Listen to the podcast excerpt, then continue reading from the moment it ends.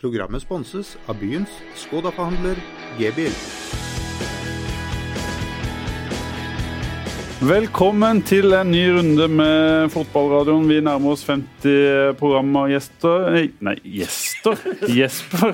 Og i den forbindelse Så har vi to flotte gjester. Ja, vi har jeg tror det Det er tidenes høyeste eh, gjester. I dag har vi seks meter fotballspiller i studio, i tillegg til 1,90 journalist. Så i dag er det veldig mange centimeter inne i dette studioet. Joakim Hykkerud han har vi snakka med tidligere på dagen. Han kunne ikke ringe oss i dag, han var opptatt med et eller annet der nede i Frankrike, men skulle hilse så mye, og vi har en liten hilsen fra han senere i denne sendinga. Først skal vi introdusere to gjester som jeg har gleda meg så sinnssykt til å få på besøk. Jeg har ikke sovet i natt, og dette er fakta. Jeg satt oppe og så på tennis, satt oppe og så på basket. Det var ingen vits å legge seg fordi at jeg gleder meg til å få besøk av disse to.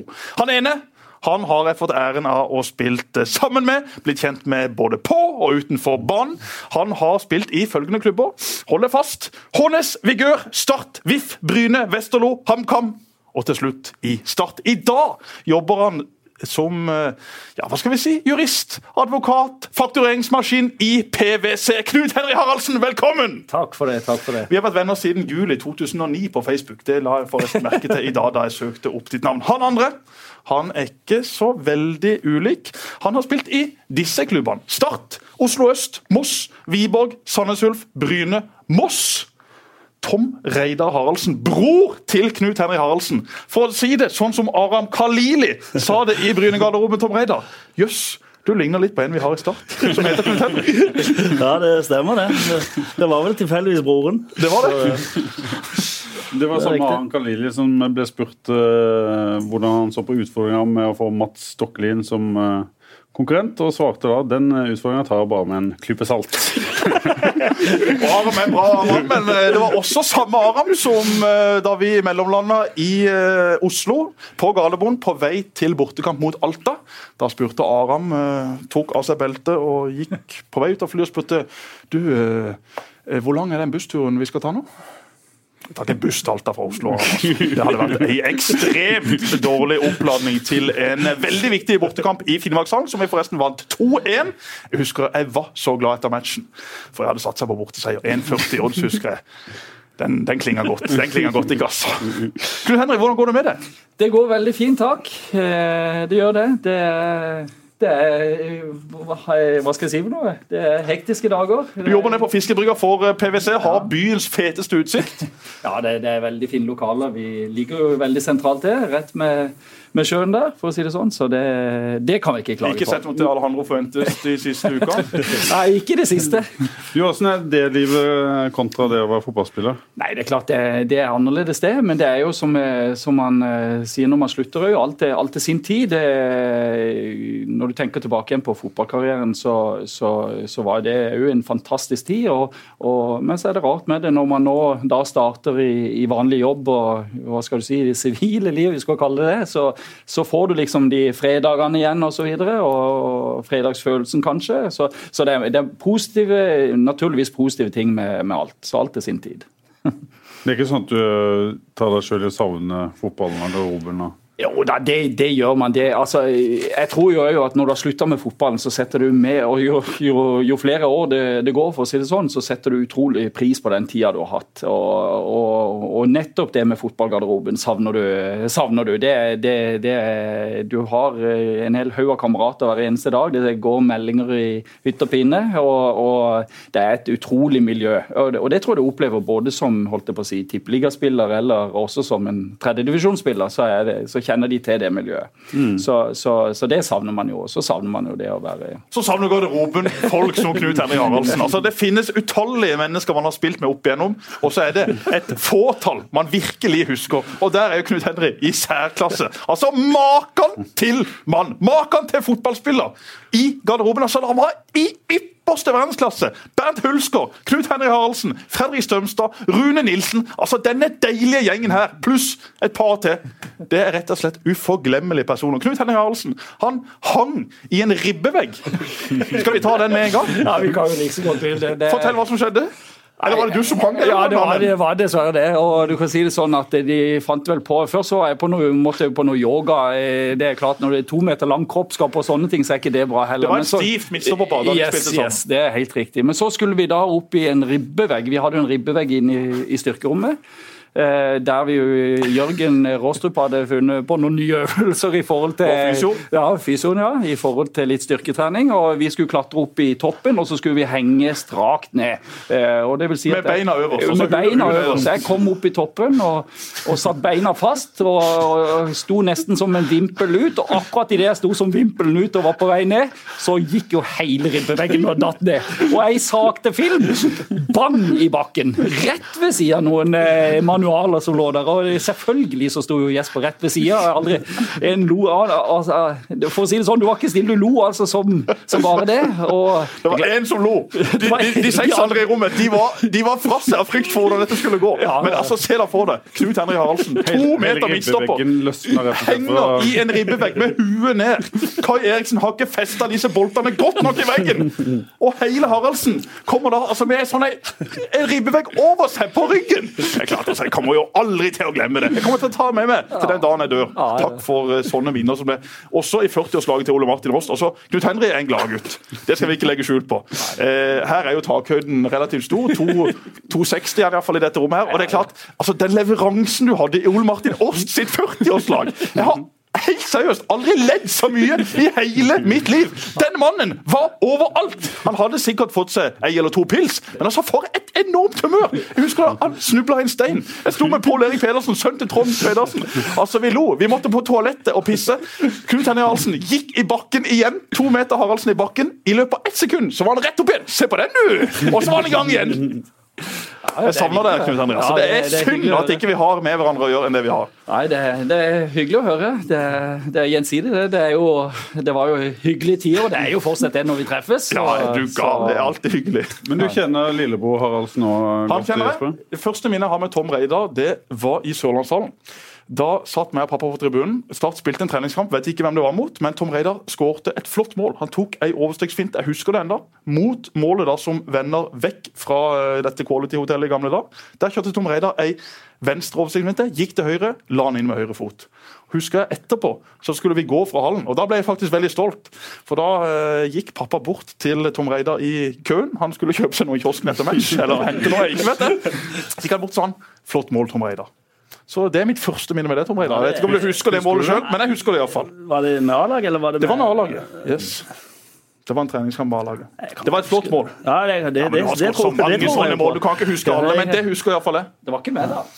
Det var det absolutt Nei, ikke! nei. Det var det absolutt ikke. Nei. Nei, det var det ikke. Men du var jo en, en slepen eh, tekniker. Altså, du, du, du var jo kanskje ikke altså, Ikke til noen forkleinelse for Knut Henrik, men Knut Henrik var jo en, en, mer en, en bauta. Altså, han, var, han var hard, han var tøff. Du var litt mer leken, litt mer teknisk. Ja, det var det.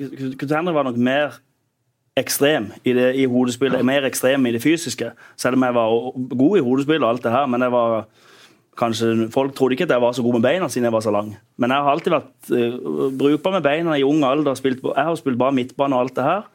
Og det var kanskje derfor jeg gikk fra starta i sin tid, for det var da med Jan Halvor begynte å diskutere litt. For jeg, da ville jeg spille midtbane, og han ville begynne å satse på som jeg som midtstopper. Hvor gammel var du da? Dette var øh, i 99-2000, da jeg var 19-20 år. Ikke 21, ja, 20-årsalderen, tenker jeg.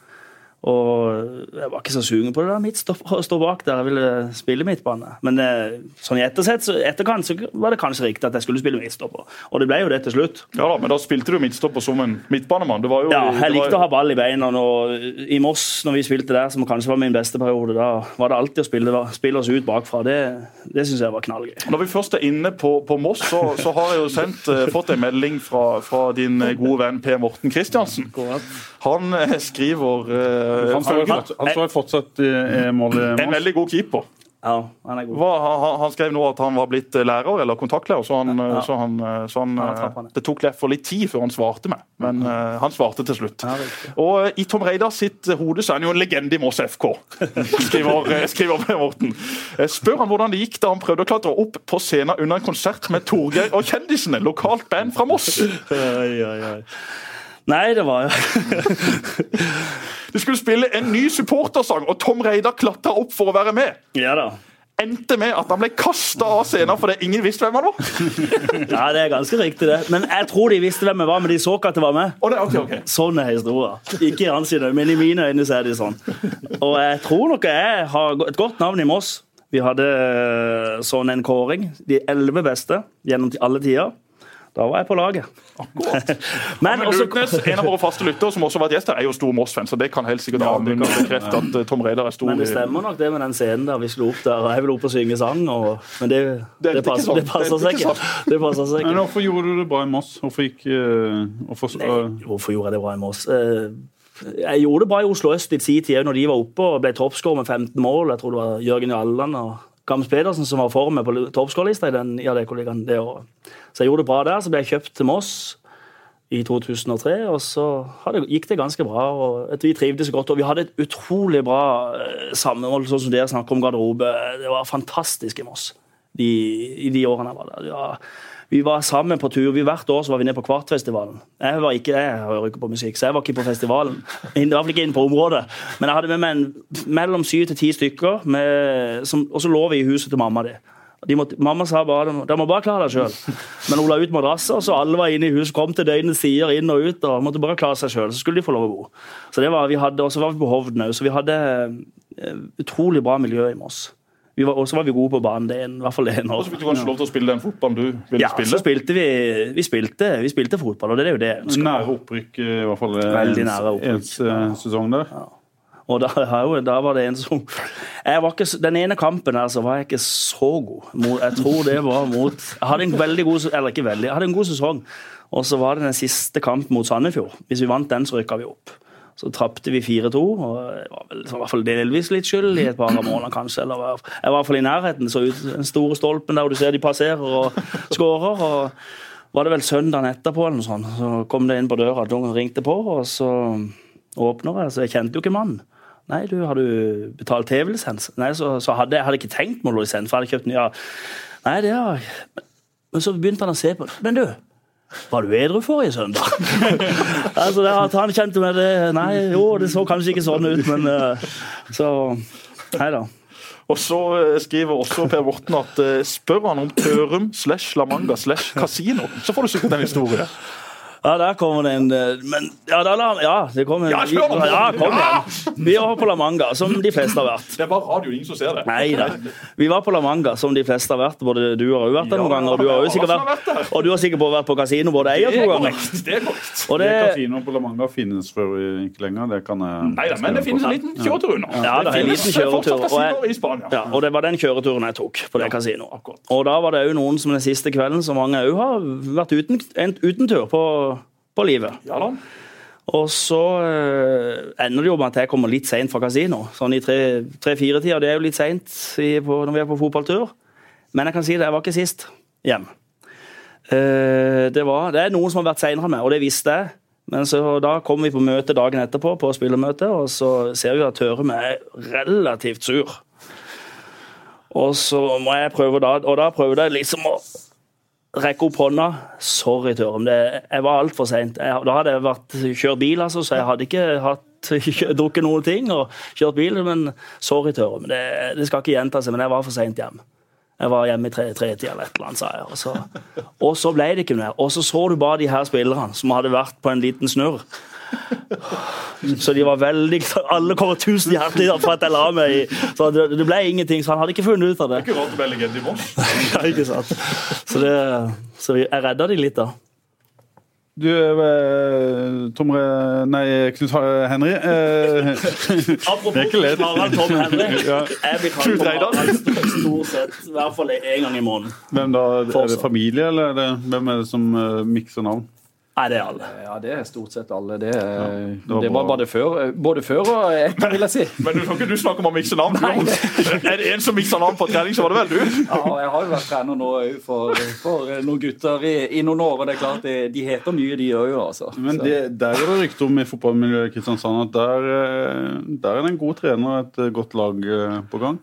Ja, det er det. det er vi, nå har vi fått Randesund-gutter. Ja, Rand, nå er det Randesund gutter 16. Vi har vel fulgt dem siden de var ja, hva er lenge, det er vel i tre-fire år nå. Vi fulgte dem opp på en måte, så det, det er en veldig, veldig fin gjeng. og mye gode spillere. øh, Så det, det, de har hatt en Kommer det en ny. Haraldsen nå, eller? Ja, det var det. Han er vel øh, han er, Ja, det er jo to av de som spiller fotball, i hvert fall. Han eldste og han yngste. Han eldste er vel gått til start nå.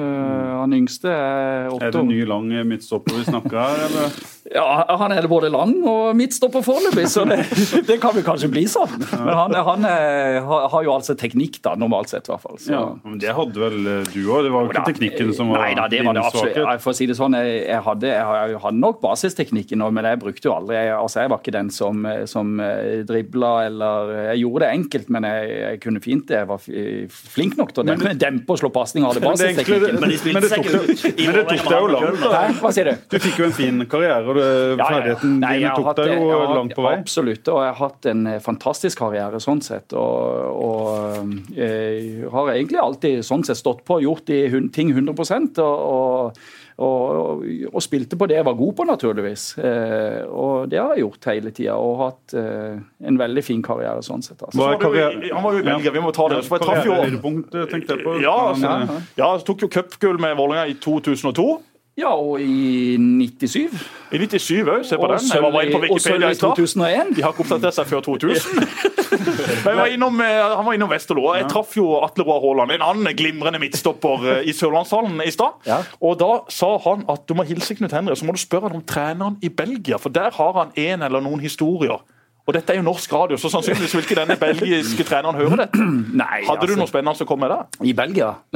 Si, nei, vi hadde Nå må jo du huske på, du jobber i PwC, du omgås så mange flinke jurister at uansett hva du nå kommer til å si, så kommer du unna det. for- det, er ikke noe, det er ikke noe tøffe historier fra Belgia, for å si det sånn. Men eh, vi hadde jo en trener som eh, Jan Køllemans. Han er jo kjent for det for folk som er Han glad i husker til og med Ja. 86, kaptein for Ja, Belgia. Yes, yes, yes. Kaptein. Han han, var treneren i, i Westerlo. ja da, og eh, var de, de var, Han var jo også altså I Belgia så er det jo sosialt etter kamper. eh, og Der var det jo òg sånn at eh, Men der i, i Norge så kjører du ikke etter at du har tatt en pils eller to.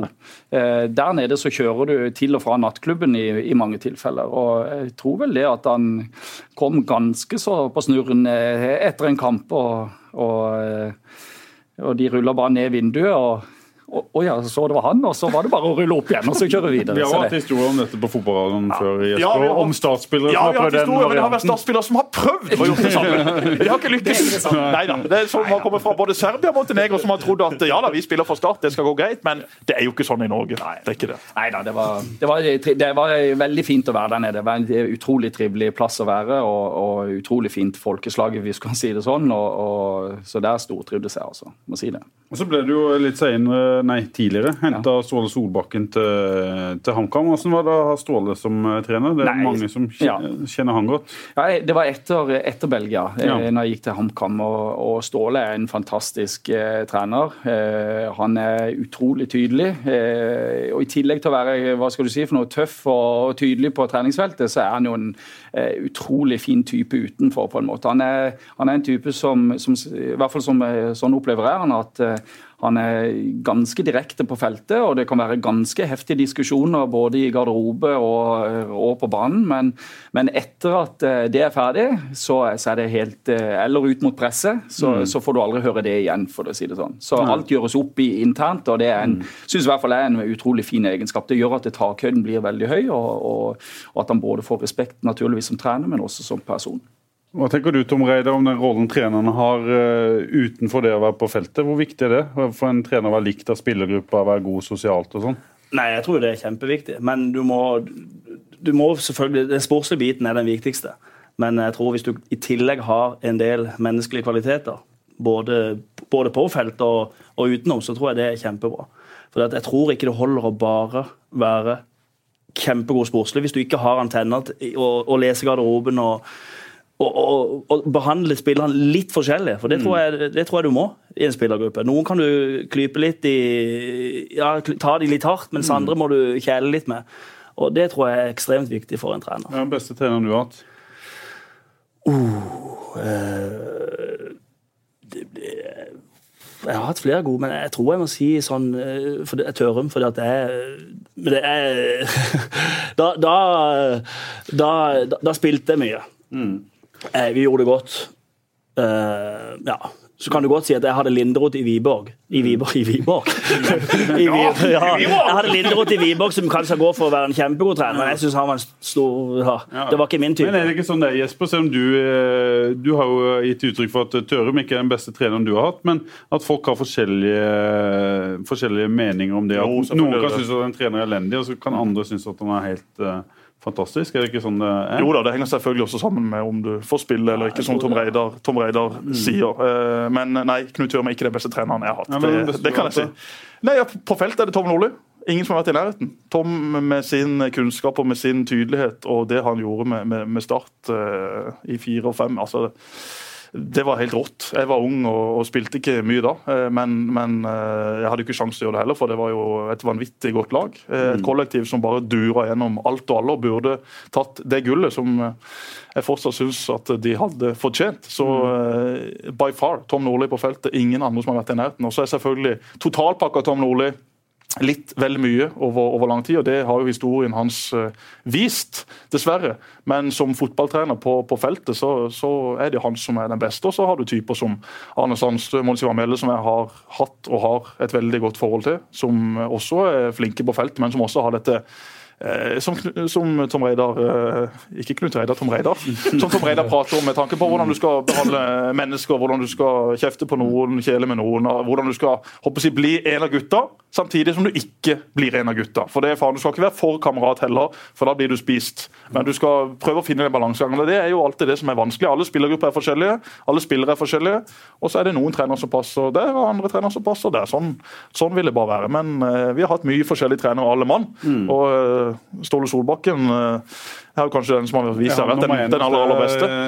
Eh, Ja, hva skal jeg si for noe? Det, det, er, jo, det er jo som dere er inne på, at det blir jo litt sånn Du blir jo prega litt i forhold til hvilke opplevelser du har hatt sjøl på banen i den perioden, på en måte. Og det er klart det at eh, den første perioden i Vålerenga fra 97 til 2001, der vi i 97 rykker opp og vinner cupgull, så sitter du igjen med masse opplevelser. og Da hadde vi Vidar Davidsen, så det, og han var han som henta meg liksom, og, og satsa på meg som, som ung gutt. Og, og det er klart det betyr jo mye. Så, så han vil jo sånn sett også eh, stå høyt hos meg.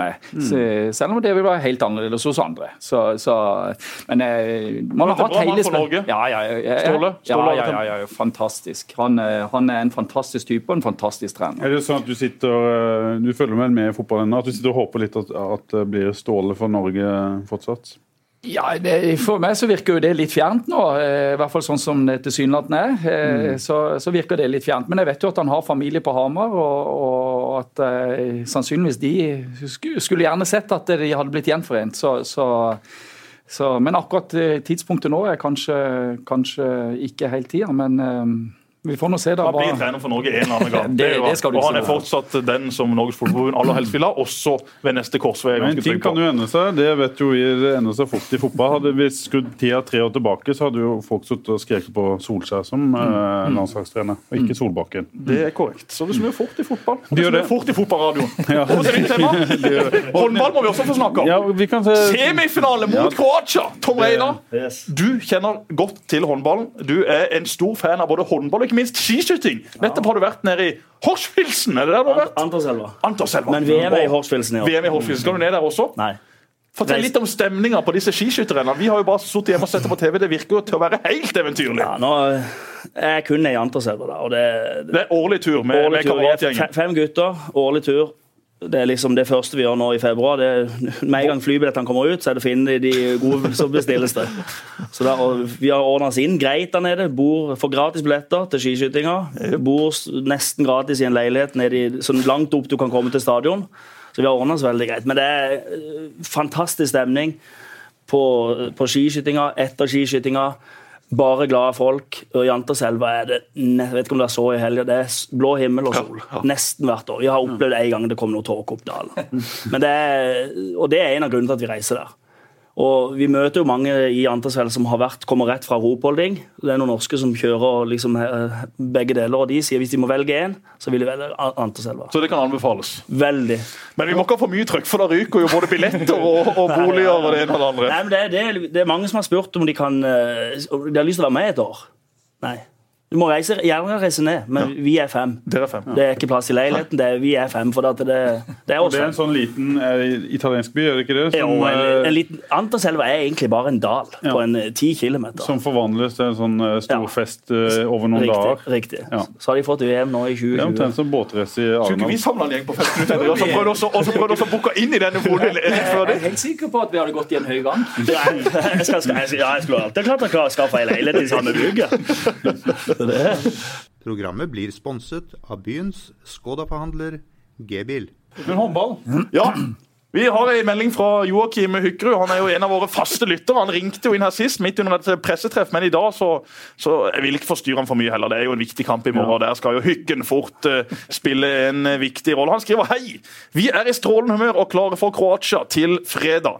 Magnus Jøndal imponerer i bordtennis på fritiden, og Sander Sagosen er ekstremt dårlig i kortspill. Ellers er alle friske og raske og klare til å bryne seg på kroatene til fredag. Vi må spørre håndballeksperten hvordan det, hvordan Ja, det går. vet du hvem Hykerud er, før vi går, før vi går videre? Det var godt jeg hørte på forrige episode av Fotballradio.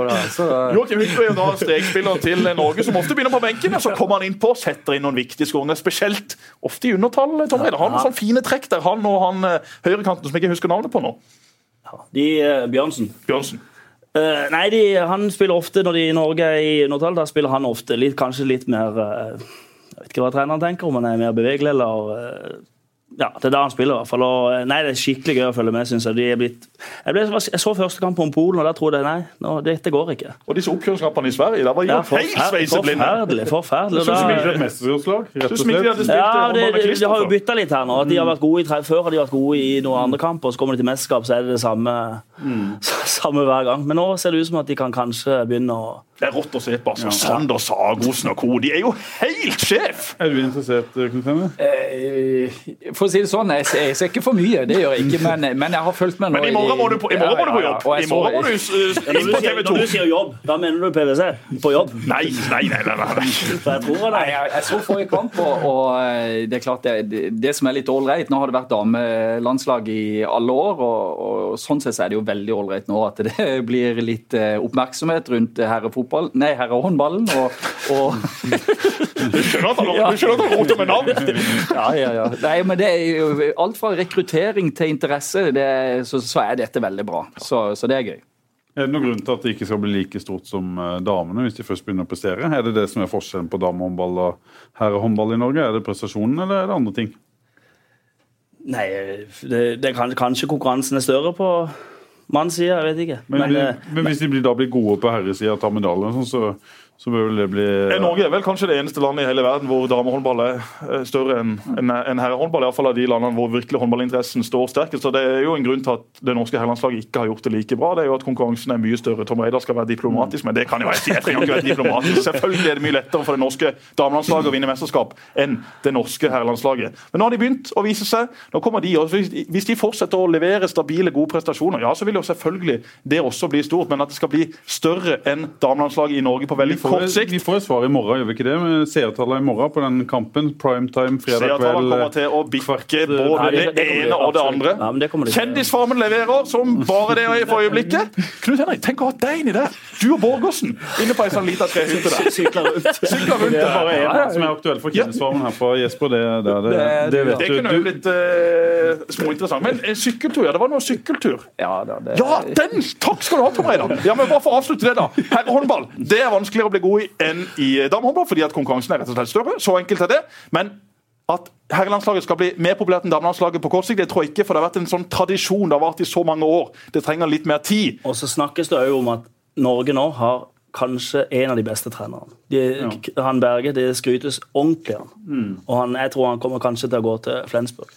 Men Det blir ikke noe sånn, men en sånn kombiløsning i håndball, er ikke det vanligere enn i Jo, det, kan, i jo, det er nok litt vanligere, så det kan godt være at han kjører kombi. Han, han er en sånn en, uh, håndballnerd. Uh, total, Helt håndballnerd og er veldig flink, tror jeg. Men vi elsker damelandslaget, sånn. og vi elsker selvfølgelig også herrelandslaget. Og vi elsker sykkelturen til Knut Henry Haraldsen og Bård Borgersen, som gikk fra Kristiansand til Hovden i desember. Jeg er så lei av å lese de som skryter av at de har sykla Kristiansand-Hovden midt på sommeren eller midt på våren hver sesong. De printer ut all slags meldinger på Facebook. Ja, vi sykler opp på fem timer, seks timer, syv timer, ni timer. Haraldsen, ta oss gjennom deres tur til Hovden Nei, med to ja. ekte mannfolk. Ja, det var det. Med, Bård, vi vi snakka vel litt om det. var vel egentlig noen flere som uh, skulle være med på et, Vi skulle gjøre et eller annet etter sesongen som, uh, som ikke var helt vanlig. Så satt vi og eh, funderte på hva vi skulle gjøre. Vi beslutta at vi skulle reise på sykkeltur, og da ble det jo da til Hovden. Og så måtte, ja, Det var jo for så vidt greit, og vi, vi tok det faktisk opp med fysioen òg om, om det var greit. Og det var absolutt ikke greit, fordi at eh, vi da skulle sykle i kuldegrader, og eh, det er jo fort gjort å få litt forfrysninger osv. Men det, det betød jo bare at når folk rundt sa at det skulle vi ikke, så skulle vi absolutt det. Så det, så det bestemte vi oss for. Så vi sykla vel oppover, eller vi jo utstyret alt som var på plass, og vi sykla oppover. Og, og det, det ble jo en fin opplevelse. Vi var jo sammen med, med noen fra Pedalen sykkelverksted som fulgte oss. Vi hadde følgebil i forhold til det. Eh, kom vel opp til Ja, hvor var det vi kom etter hvert? Det som var, Bård begynte å slite, det må jeg vel lov å si. Men Bård begynte å, var sliten ganske tidlig. Nå viser det seg jo i etterkant at Bård sykla med kyssesyke. Så hadde, hadde, vi fikk regn og litt minusgrader i begynnelsen, og Bård var ikke veldig godt kledd. Så når vi kom til Evje, så lå han i, strat på gulvet der. Eh, Du får bare ha meg unnskyld på. Men vi sykla i hvert fall videre og kom oss videre. Og kom vel opp til, til Bykle, der vi begynte å få like snøstorm, men vi begynte å få ganske eh, kraftige greier av snø. altså. Og eh, Vi startet jo tidlig om morgenen, og nå begynte vi å komme ut på ettermiddagen ut på der det begynte å bli mørkt. Og så kom vi på toppen av Bykle. Da røyk, eh, da frøys girene og bremsene mine. Eh, Og da hadde jeg sykla i tredje giret, eh, for å si det sånn. Så det ble Så sykkelturen Ja. helvete. ja, og det var det vel. Og etter hvert så, så, så husker jeg Bård i en bakke ned. Da ga han blaffen, fordi at vi kom ned en lang bakke, og jeg kjørte litt forsiktig for isete. Plutselig kommer Bård bare rett forbi. Jeg gir faen, og så bare kjørte han. Så, så til vi, vi, kom til, vi kom til Hovden, og når vi kom inn, det var vel Kiwien som var det første som møtte oss. og, og da, lå, da lå vi strak inn i, i varmen der, bare lå strak ut på gulvet. Så det var en, jeg tror vi brukte Vi sykla på offroad-sykler, og vi brukte vel Vi sykla i ett, og det var vel nesten ja, Jeg husker ikke akkurat, men det var 11 eller 13 timer. Så det gikk Altså, det, sykkeltur fra Kristiansand til Hovden er 210 km. Dette er jo et ritt som er veldig populært å sykle for all verdens mosjonister eh, hver eneste vår. Mm. Og den tok dere da i desember. Men er det det verste du noensinne har vært med på sånn eh, fysisk? Eh, Nei, det, det var, det var På sin måte må det være det. Ja, det var det. det du kan si, eller, Om det er det verste, det vet jeg ikke, men det, det var tøft eh, på den måten at du var, du var virkelig nedsliten. Altså. Det var, eh, og du var, vi sykla jo stort sett Vi hadde selvfølgelig noen småpauser, men det ble jo at du sykler, når du sykler sånn i ett og eh, stort sett i kulda på en måte, så fryser du både hender og det som er. Så det, det ble tøft etter hvert. Det altså. høres knalltøft ut. Du har jo sykla til Arendal. Det er jo det tøffeste du har Det vært med det på. episode der, er det ikke det? Jo da, det er det. Den kan, jeg vet ikke om jeg ikke tar med deg. Knut Henry? Nei, men jeg var vel med på kampen. Ja, det var det. Vi kan ta gjennom den. Gjennombruddet til Mats Stokli. Ja, det var det. Med Ole Martin Åst og Geir Ludvig Fevang eh, var skada. Vi tenkte litt sånn som Knut Henry. Vi skal, hva skal vi gjøre? Jo, vi sykler til Tromøya. Som er da en times kjøretur fra Kristiansand. Og det burde være overkommelig. Vi eh, spurte jo da vår eh, fysiske trener Jørg Inge, som han da het på den tida, om det var greit. Var det, det var samme greit. mann som ikke mente det var greit å sykle til var, det Jørg, eller var det Jørgen som var der? Det er Ja, jeg det, det, det er vanskelig å si. Men eh, i alle fall, vi, vi la nå ut på denne turen. I'm Sandra, and I'm just the professional your small business was looking for. But you didn't hire me because you didn't use LinkedIn jobs. LinkedIn has professionals you can't find anywhere else, including those who aren't actively looking for a new job but might be open to the perfect role, like me. In a given month, over 70% of LinkedIn users don't visit other leading job sites. So if you're not looking on LinkedIn, you'll miss out on great candidates like Sandra. Start hiring professionals like a professional. Post your free job on linkedin.com/people today. Når vi starta i et heidundrende tempo bort forbi Esso der ved Borger Haugland og forbi bomstasjonen. der Vi la oss jo sånn på rekke og skulle kjøre sånn mølle, ikke sant? tre av tre. der Vi bare banka bortover. Kommer- Mølle. Ja, hva sa jeg? Mølle? Oh, ja, mølle, ja. Mølle eller rulle. For, for oss så det mer ut som en vindmølle enn som en rulle. Og Dura over Varebroa, det gikk fint. Og så kjørte vi rundt Høvåg, så skulle vi ta en sånn en skogsvei som Geir Ludvig Feving hadde sett på Gule Sider sitt kart. Det var liksom en snarvei. Så gikk vi inn 100 meter for tidlig. Så vi endte jo opp på et fjell. Vi kunne se både Øst- og Vest-Agder, og også store deler av Telemark. Det hadde ikke vært folk der på 100 år. Det var sånne gamle piggtråder fra første verdenskrig. Og der gikk vi rundt og surra. Vi måtte bære syklene. Og jeg fly forbanna som bakerstemann sa det kan jo ikke være her! Fevang og Års trodde jo selvfølgelig at de hadde funnet rett vei. Vi kasta bort halvannen time. Vi kom ut på nøyaktig samme stedet. Og så var det da videre. Og det ender jo med at vi rekker jo ikke kampen. Eh, jeg stopper i Arendal sentrum. Jeg gidder ikke sikle det siste stykket. Jeg ringer til Trine og sier du må komme og hente meg. Jeg sitter på en benk i Arendal sentrum. Geir Ludvig og Ole Martin de sykler videre, for jeg var tom. Jeg hadde ikke vært flink til å spise. Jeg kunne ikke bevege meg en meter. Jeg var likbleik. Jeg frøys. Jeg ble forkjøla i tre uker etterpå. Og neste dag så står det i eh, avisa, første side, 'idioti'. Sitat Knut Høre, som da hadde funnet ut at vi hadde prøvd å sykle bort til kampen. Da visste jo ikke Knut at vi hadde fått aksept fra hans fysiske trener, men det var den sykkelhistorien. Heller ikke den var kanskje det smarteste, men den den er ikke like imponerende som Knut Henrik. Dette var midt på sommeren. Vi skulle jo klart å komme oss frem til Tromøya, men et elendig veivalg av eh, Fevang som gjorde at vi ikke kom fram. Et elendig eh, Ikke noen flere sykkelhistorier. Har du noen sykkelhistorier? Nei, jeg kunne sykla til Skagen. jeg. Du har sykla til Skagen. Og da, det ble, ja, det ble jo Vi sykla jo ikke så Vi sykla feil, vi òg. Ja, det var Havna det. på noen sanddyner. Og han svømmetreneren i byen, Jon Hedeland, Ja. og han som hadde skulle lede an Første vi gjør når vi kommer ut på båten høyre! Og det er jo på, det er feil side. Vi skal i hvert fall mot venstre, sa han. Men vi endte ut i noen sanddyner, og det var Du, eh, Vi må snakke litt om det de aller fleste som hører på, er mest interessert i av alt, og det er Start. Eh, Vi tror at begge dere to har et forhold til, til Start. Hvor godt føler du med, Tom Reidar? Jeg skulle ønske jeg følte bedre med. Det er, jeg følger selvfølgelig med, sikkert mer enn en, men jeg er, for, jeg er for dårlig til å gå på kamper. Og det irriterer meg litt. for at det, Jeg syns det er for slapt å bare Nei, jeg liker jeg regner litt. Så blir du liggende hjemme og følger med på Jesper, sitter og snakker i studio istedenfor. Mm. at de har fått en ok Forstår du den som kan? Men det må kanskje mer til? Det Ja, det, det er jo det. Hvorfor, hvis, så tenker jeg da, hvis ikke de klarer å få meg på kamp, som er over gjennomsnittet interessert, i, og, i Start i Sørlandet Hvis ikke de klarer å få meg på kamp hver gang, hva er det, hvor, hvor, hvorfor gidder naboen min, som, ikke, som er helt sånn middels Skjønner du? Så vi, vi må få, vi, de må få oss på kamp hver, hver, hver søndag. Hva skal til, Knut Henrik? Nei, det, det, det er sikkert ikke noe lett svar på det. Men det, jeg har vel nevnt litt sånn tidligere òg, når vi spilte sjøl òg, så, så husker man litt tilbake igjen når man eh, spilte om det var mot Rosenborg eller kanskje Ålesund. Eh, Når du lander på flyplassen der og kjører ut til stadion, så er, så er det altså eh, oransje flagg overalt. Og jeg tenker at eh, det må være noe utafor kampen òg, noe som fenger. Det må være eh, altså, En stolthet for klubben i byen. Yes, yes. Og, og det er klart det at eh, Her på Sørlandet så har vi kanskje hatt en liten sånn der, hva skal jeg si, et skille mellom klubben og, og folket rundt. på en måte. Nå er forhåpentligvis det på bedringens vei, men, men, eh, men det må et eller annet utenfor klubben òg, tror jeg. Altså noe, eh, noe entusiasme rundt eh, ikke bare klubben, men ellers også. Men må det komme med resultater? Er det liksom... Selvfølgelig henger dette litt sammen. Nå har Start over lang tid hatt eh, holdt jeg på å si, kjedelige resultater. og, og eh, Det skrives fra dere holdt jeg på å si, negativt. som Det, skal, en, det blir en vond spiral. holdt jeg på å si, og, og, og det er klart Alt gikk nedover etter at du slutta? Ja, du ser det.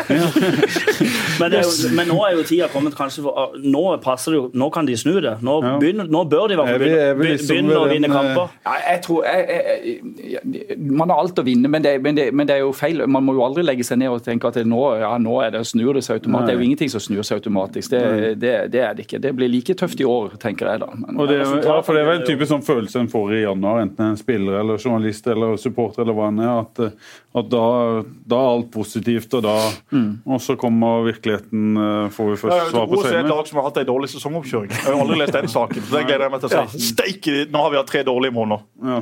Nå ringer det telefoner. Det er bare Tom Skal vi bare Eidar. ta? Det er det bookingfirmaet fra ut som det var planlagt, men det var det faktisk ikke. Nei, men det er, jo, det er jo alltid sånn, Alle er jo positive. Alle ser jo på en ny sesong med, med, med, si, med nye øyne og har glemt alt det negative som skjedde. Og så har de tatt med seg det positive. For Starts del så har ikke det vært så mye. Og det er også grunnen til at ikke man kommer på kamp. For har ikke vært vunnet en kamp nesten på to år. Og det er klart, Begynner man å vinne kamper, er man med og kjemper i toppen, ja, så kommer Arendal på besøk, så kommer Jerv på besøk, så kommer Fredrikstad Mjøndalen, ja, så vil du trekke folk tilbake. Men det er så enkelt. Må begynne å vinne kamper, må begynne å begeistre. Så enkelt, samtidig så vanskelig. selvfølgelig, henger det selvfølgelig sammen at bruke, tør å bruke litt lokale spillere, tør å bruke unge spillere. Selvfølgelig de må være gode nok. Bruker du en fra Vennesla, så kommer det noen ekstra fra Vennesla. Men det kan ikke bare være lokale spillere. Det, det, det går ikke. Men du henter ikke en høyreback heller fra ja, det tørte jeg å si noe, men eh, ja, hvor, hvor som helst. Eh, Om det er en, en afrikaner eller hva. Du kan ikke hente en afrikaner som er høyrebekk, og så skal han tjene 800 000-900 000. Så har du sett ham på YouTube. Det, det, det går ikke, det. Hvem er noen spillere dere har ekstra tro på eller forventninger til nå som en går inn i en ny sesong, eller er det um, Nei, det, det som er, altså jeg, jeg, det var ikke mange, jeg må si det på samme måte at det er jo ikke så mange, Man skulle gjerne vært på flere kamper. Men det som jeg syns eh, Jeg så noen kamper i fjor, og det er klart Jeg syns vel Jeg hørte du jo har sagt til Jesper at du, mangler litt sånn enkeltspill. Ja, det er jeg jo for så vidt enig i, men jeg tror samtidig at det kollektive det syns jeg ikke har fungert. Og, og i det så mener jeg, i hvert fall som forsvarsspiller, gammel forsvarsspiller, så, så ser jeg det at eh, de kampene har sett, at det, det er for stor strekk i hele laget. Det gjør at eh, hvis eh, Nå er vi inne på veldig sånn ja, fotballspesifikt, men men, men, men, du kan si det sånn at hvis du da vinner ballen opp i banen, så er, så er laget for langt tilbake i banen mm. til å kunne angripe med hele laget. Så det syns jeg har Men dette, dette jobber sikkert med, men jeg tenker at de korte avstandene mellom lagdelene, det tror jeg er viktig for å flytte laget både framover på banen, men også tilbake på banen. Sånn at du vinner ballen høyere. Og, og når du først vinner ballen, så har du et trøkk i laget bak deg. Og At ikke du har den store strekken. Og hvis du ikke har et kollektiv som fungerer, så springer du vel heller ikke Selvfølgelig. ut Selvfølgelig. og, eh, og får, du et, får du et kollektiv fungerer, jeg tror det nesten må starte der, så, så, så er det som du sier, da, da vokser det plutselig fram en høyrekant, så vokser det fram en spiss som skårer mål på Du får flere sjanser, du får Men, men dette, dette kjenner selvfølgelig treneren til, men jeg syns, jeg syns det var liksom det som hang igjen ved, ved, ved de kampene jeg har sett. Fotballtreneren Knut Henry som Ja, eh, snakker. Knut Henry var veldig tydelig også i garderoben også når man spilte. Spesielt dette med, med korte avstander i og mellom lagene. Og Ståle Solbakken som du har hatt, er jo ekstremt opptatt av dette. Det er jo hvordan FCK ser hvordan de forsvarer seg i Champions League. Det er jo kanskje det laget eh, ved siden av Atletico Madrid som er best til akkurat dette. De har ikke de beste spillerne, men de må være best organisert, de må jobbe hardest. Og de må være best på dette med tette, korte avstander. Så selvfølgelig har Haraldsen noe du, du, med dette. jo, du er jo tydeligvis opptatt av faget, Knut Henry, fotball og taktikk og de tinga der, i og med at du også trener et, eh, et fotballag. Vurderte du noen gang å gå den eh, veien? Nei. Nei. Eh, Eller, eh, det- nei, det gjorde jeg ikke. Det, det gjorde ikke. Men det er klart det å å trene et lag sånn som du gjør nå Nå er det unge gutter, men det er utrolig givende. Det er, selvfølgelig er det gøy å, å kunne sette seg preg på hva man tror på sjøl og hvilke verdier man har tatt med seg. Hva er det viktigste, da? Fordi, fordi når du sikkert fulgte et Ja. lag fra de var 60 Ja, ja. eh, Nei, for, det vi har eh, holdt på å si, pensla inn i de, det er, det er tempo. Tempo, og Da snakker jeg ikke om å løpe fortest. Ballbehandling. Det er ballbehandling, tenke fortest, gjør gjøre ting kjappest, på en Mm. måte. Og, så, og, det- tror jeg starter i tidlig alder. Mm. Eh, sant? At, eh, vi, du vet jo selv, Når vi har spilt eh, selv og hatt andre- og tredjedivisjonsspillere på, på besøk, så er det kanskje der det skiller eh, størst i forhold til når de kommer og skal trene med tippeligalag. Mm. Altså at de mangler tempo, de går for sakte når de skal avslutte, og det ene med det andre. Så Fra tidlig alder å få folk til å tenke tempo, altså at det, omstilling og fort, det, det er vel kanskje det vi har pensla på. være på tæra, ikke stå på hælene når ballen kommer. Hele tida på tærne. Alltid være, være, selv om det er høyrebekken som er ballen, så er også venstrekanten med i spillet og er delaktig. Så at du hele tida er, er påskrudd. Så det Hvor, hvor godt er det laget ditt, da?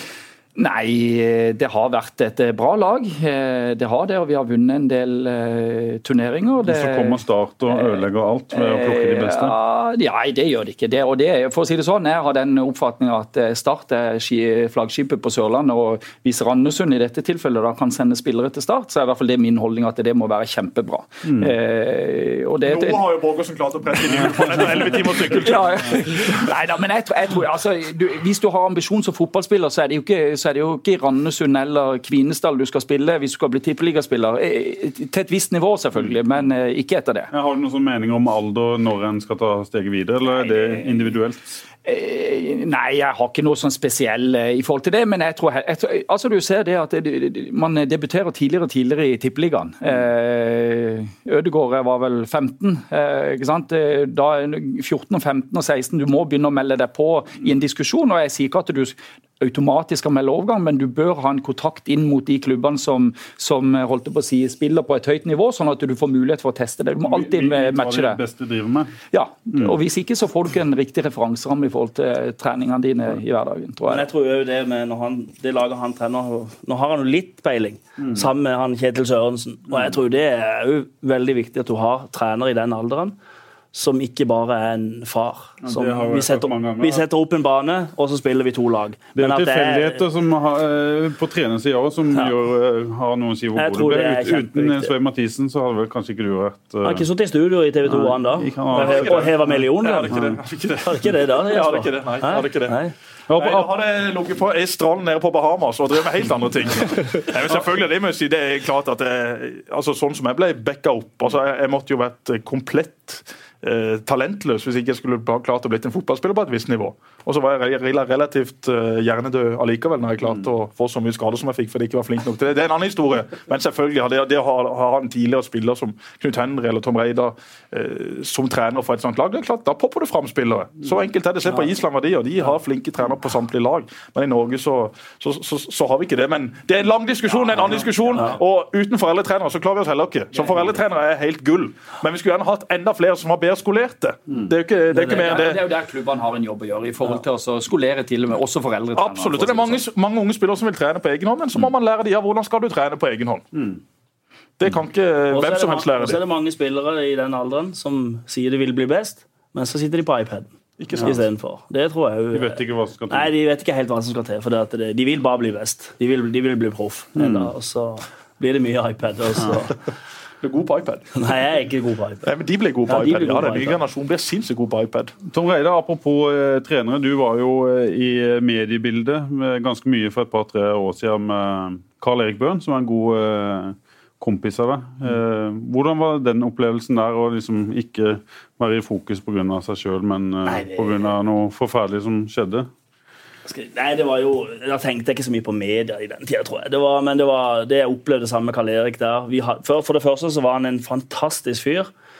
Som også min familie har han møtte mange ganger. de, og mm. det er liksom Når du møter han i gang, så er det liksom åh, for en mann. Mm. Det, det, jeg tror de fleste mine kamerater, har liksom, de som kommer og besøker meg til Ungarn, stiller opp og er med og spiller tennis. og det, det er liksom det først. Så har han så mye vettugt i Men Hvordan var forholdet mellom dere? Fortell litt om det. Det var, det var veldig nært, holdt jeg på å si. Det er ikke ofte jeg har fått en kamerat så fort, og så, så god kamerat. Vi ja, begge ble jo både skilt og noen separasjoner relativt på samme tid. Dere var i Ungarn begge to? Ja.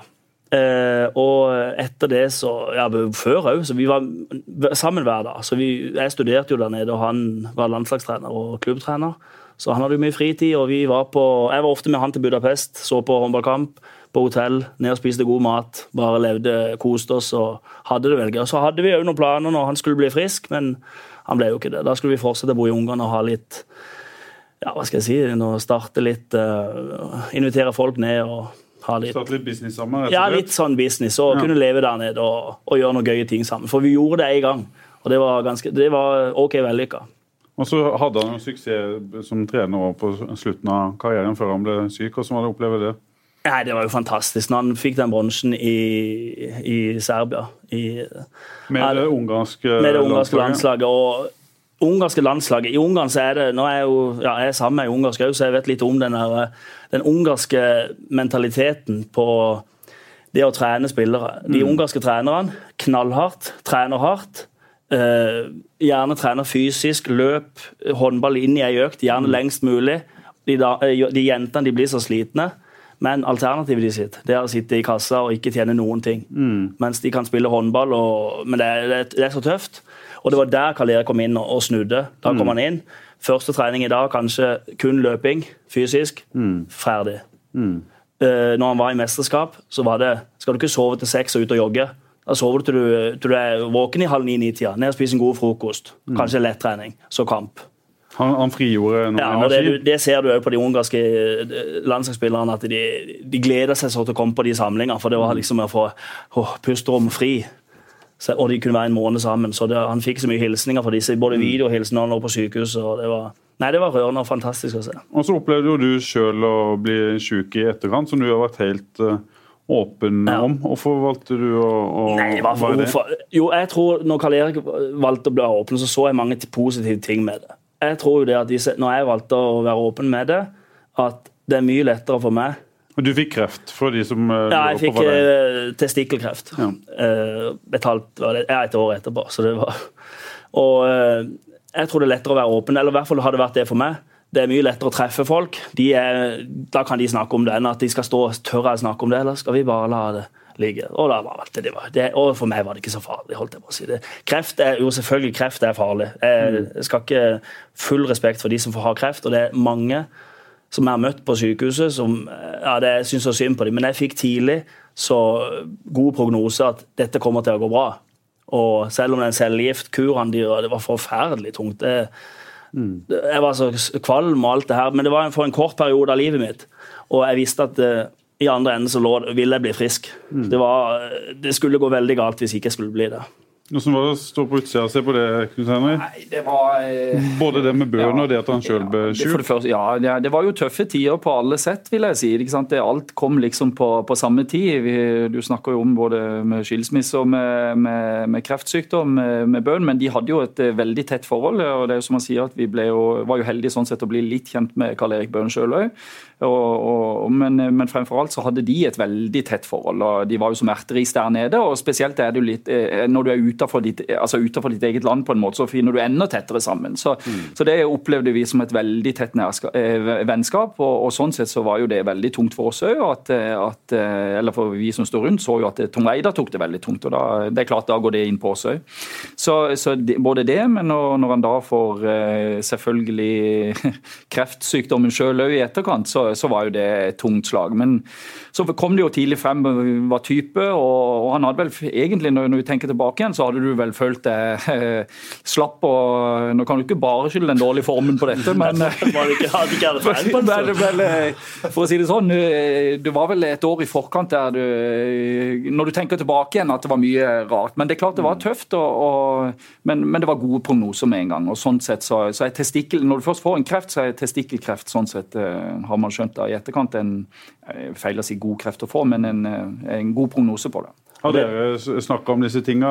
Jesper, du som har Jeg meldte i hvert fall litt både med når Karl Erik var syk, og når jeg var syk. Ja, altså, Karl Erik eh, kjente ikke eh, sånn som Tor Eidar, men jeg meldte litt med han for eh, både meg og Karl Erik er glad. Du meldte, du meldte med han. Ja da.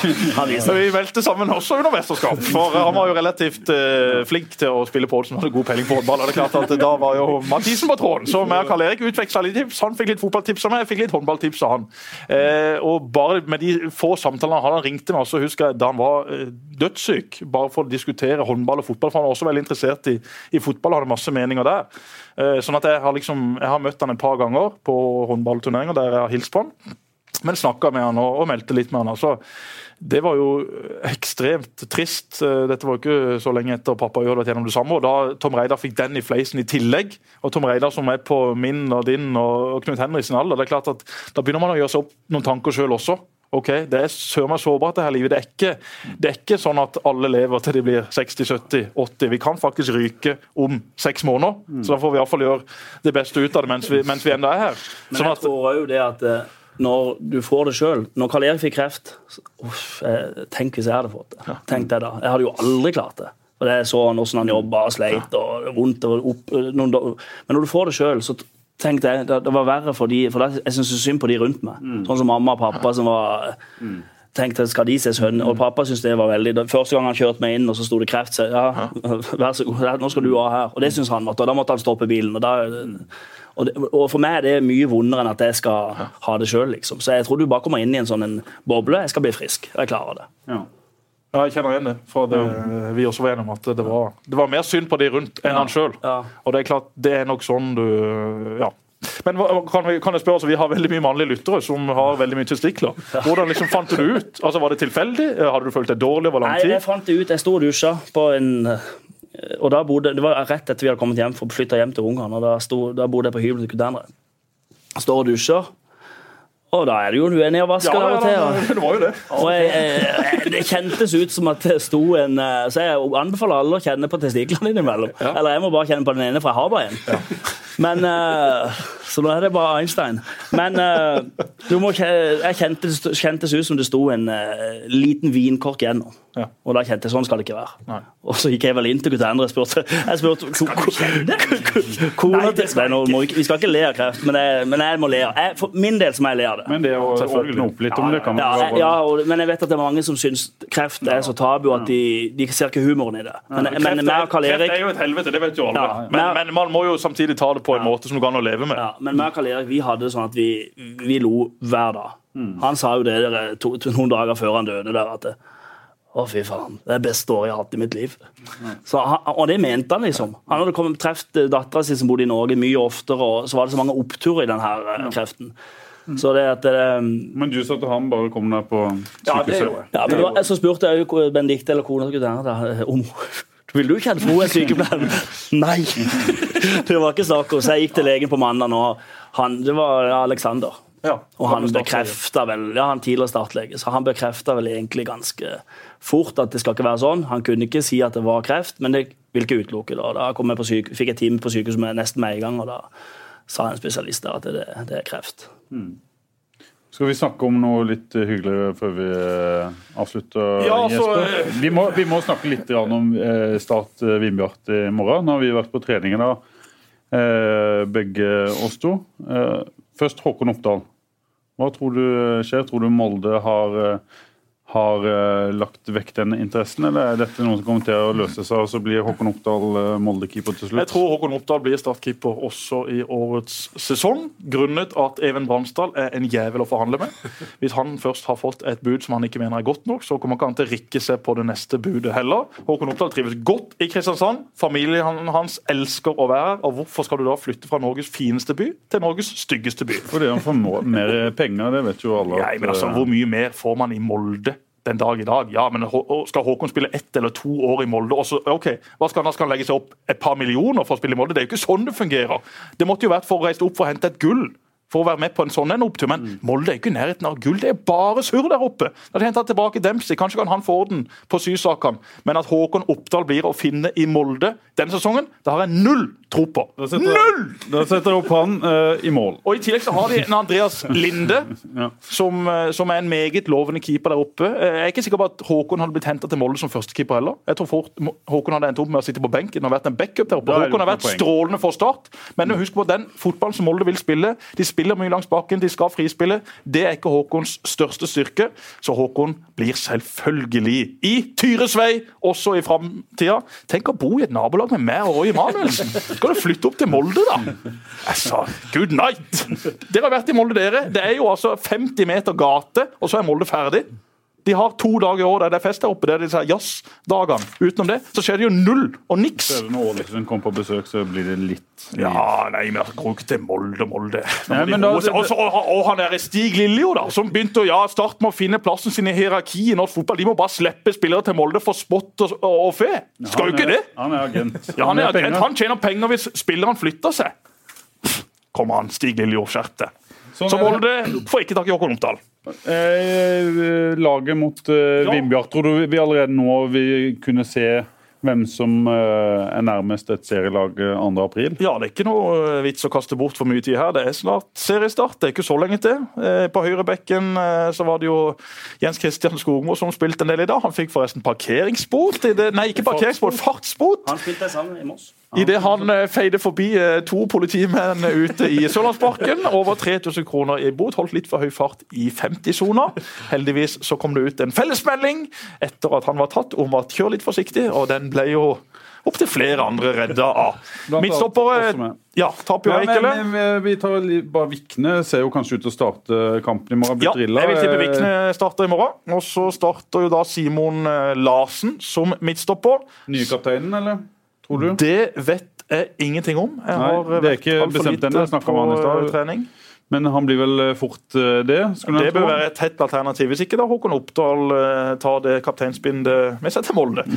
Og så har du da Tapio Heikelevel som midtstopper. Rolf Dane ble vel drilla som venstrebekk i dag. Ja, det gjorde han. Så det kan, Ropstad er- ligger det an til en duell mellom eh, Ropstad og Vikstøl om venstrebekken, eller ser vi Vikstøl som stopper? I mine øyne så er Ropstad et soleklart førstevalg på venstrebekk. Spesielt den eh, sesongen man kommer til å gå inn i. Styrer mye kamper da. Så Ropstad er må kjempe om en stoppeplass med Tapio. Ja, og så vil han være et cover på, på alle de andre plassene i den backrekka. Også på høyre back i enkelte kamper, vil, jeg- vil Da har vi tippe. forsvarsleddet. Ja, da, Nils Fortoren spiller vel eh, sentralt sammen med sentralt, Segerberg. Sammen med Segerberg. Holdingen sliter med en liten skade. Mm. Espen Børresen han er selvfølgelig på venstre kant.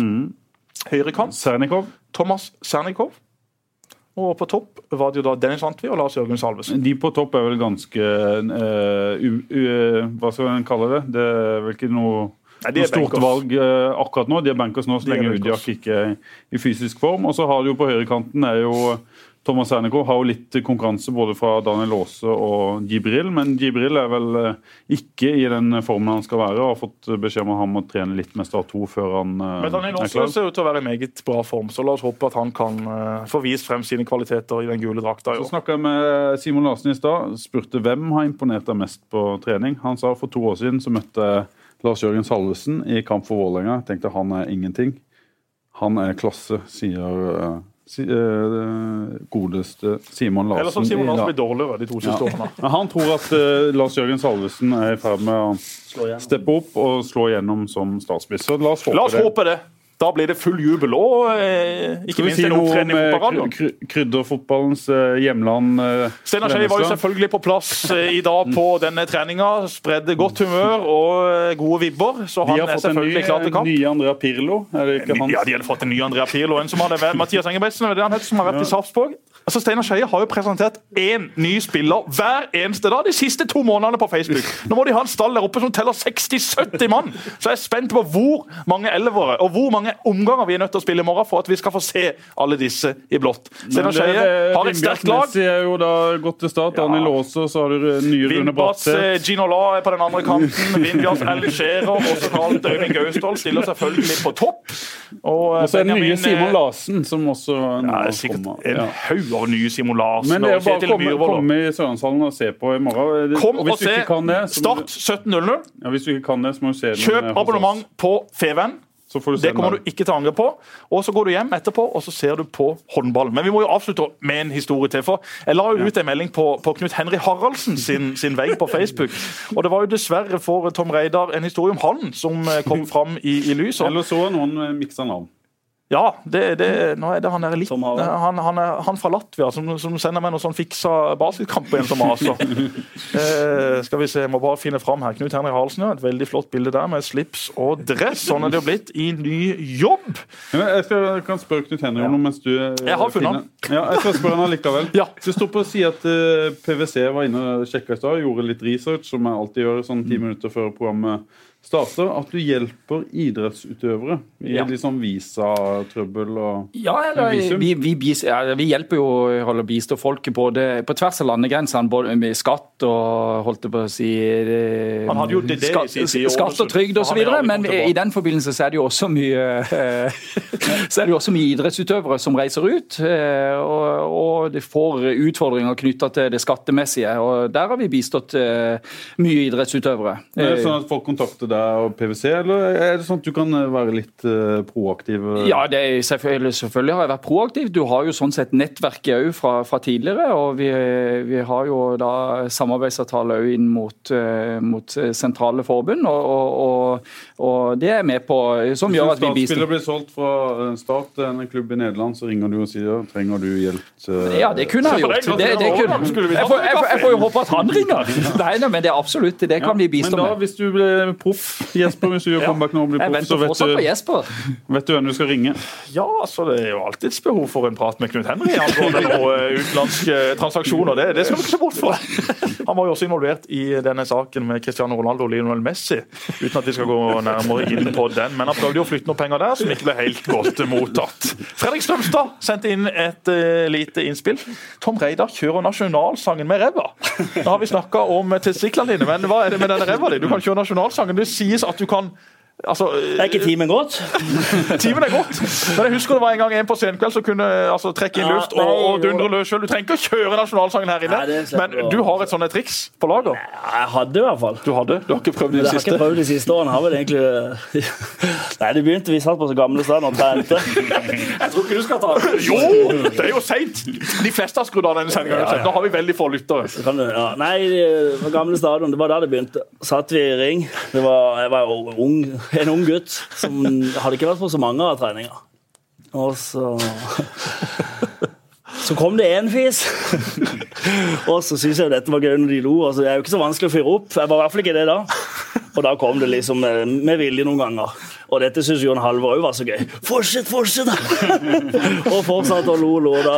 Om det var 'Ja, vi elsker' som kom, eller 'Happy Birthday', det vet jeg ikke. Men det, det kom relativt mange. Da avslutter vi med en eh, god eh, historie. Ja, men Det var ikke den, ikke Ja. den god. Jo, mente sorry. Ja, det var veldig bra. det var veldig bra. Vi må også ta innspillet fra Glenn Follensen, som også er en fast lytter. Jeg håper Knut Henrik kan få snakket litt om mirakel Istanbul. Da kan Liverpool-supportere eh, kule, kule han litt. For alle vet at det virkelige mirakel Istanbul handler om Knut Henrik Arlsen, Kjell Roar Kaasa og Jon Carew. Den skal du avslutte med. Hva skjedde i Istanbul? Nei, det var vel i kvartfinalen i Nei, det var det i åttendelsfinalen, var det vel i Europacupen. Eh, vi spilte mot Besiktas. Eh, og Vi er Vålerenga. Vi er Vålerenga, med Vålerenga. Der var, spilte mot Besiktas der. Eh, var tidlig på et hotell, husker jeg så ned på banen, kunne se banen, og der var det fullt altså fire-fem timer i forkant. Kom på banen, eh, 'Welcome to hell' sto det over hele sida, eh, og lå under eh, 3-0 til etter kort tid. Eh, Var dette andre kamp? Dette var, eh, dette var andre kamp, ja. Og 0-0 hjemme, var det sånn? Hva var resultatet? Ja, kan du se. Kan ikke, jeg tror vi Relativt jevn. Ja, det, det er så lenge Nå, er, er, er man gammel ingenting å si. eller Vi snakker om andre kamper. Må du snakke om det som er viktig? Ja. Ja, ja, men eh, nå lurer jeg Dere lurer på 3-0 pause. Dere måtte ha Ja, vi, må, mål. ha vi måtte ha to mål. To mål. Ja, ja. Og, Så det vant eh, første kampen. Jeg tror det. Jeg tror det vant 1-0. Vi sier det. Dobbeltsjekk dette. Det er jo så lenge siden. Nei, men i hvert fall så, så uh, fikk vi da en corner. Og det viktige med det var vel egentlig det at vi hadde jo Drillo i den tida. Og er det en ting han er god Han har fått mye kritikk, men er det noe han er god på, så er det det å lese spill og lese kampbilder osv. Han sa det at eh, ligger vi under 1-0, 2-0 eller 3-0, så er ikke det noe problem, sa han. Eh, For skårer vi etter, så er vi der igjen. Og det var vel det vi gjorde som skjedde. Eh, Lå under 3-0, så fikk vi corner, og så var jeg heldig på corner og skåra det første målet. Og så var det så var det vel eh, Karev, eller jeg husker ikke rekkefølgen, men Karev og så Kåsa. Så vi fikk 3-3 og, og gikk videre da til kvartfinalen mot, eh, spilt mot Chelsea. Så det var jo en Jeg tror det var noe spesielt for Vålerenga og Vålerenga-sfæren rundt, for å si det sånn, å gå videre i, i Europacupen. Karev var enorm i den Ja, kampen ja, i, ja. i Istanbul. Det husker alle vi som satt og så den. Så det var en voldsom opplevelse. TV. det var det. Også som spiller, men jeg tror også for de som var rundt. Altså, Dette besøket ble akkurat så hyggelig og så bra som vi hadde forventa. Så tusen hjertelig takk for at dere kunne komme. Takk for Nei, at det du var hyggelig. Det var hyggelig. Nå må bare Hykkerud og co. slå de forbannede kroatene! Vi skal til finale! Vi skal ha gull! Og vi eh, treffes vel i neste uke, Pål? Ja, det gjør vi helt sikkert. Vi må bare finne noen gjester. Det skal vi klare. Takk for i dag. Programmet ble sponset av byens Skoda-forhandler G-bil.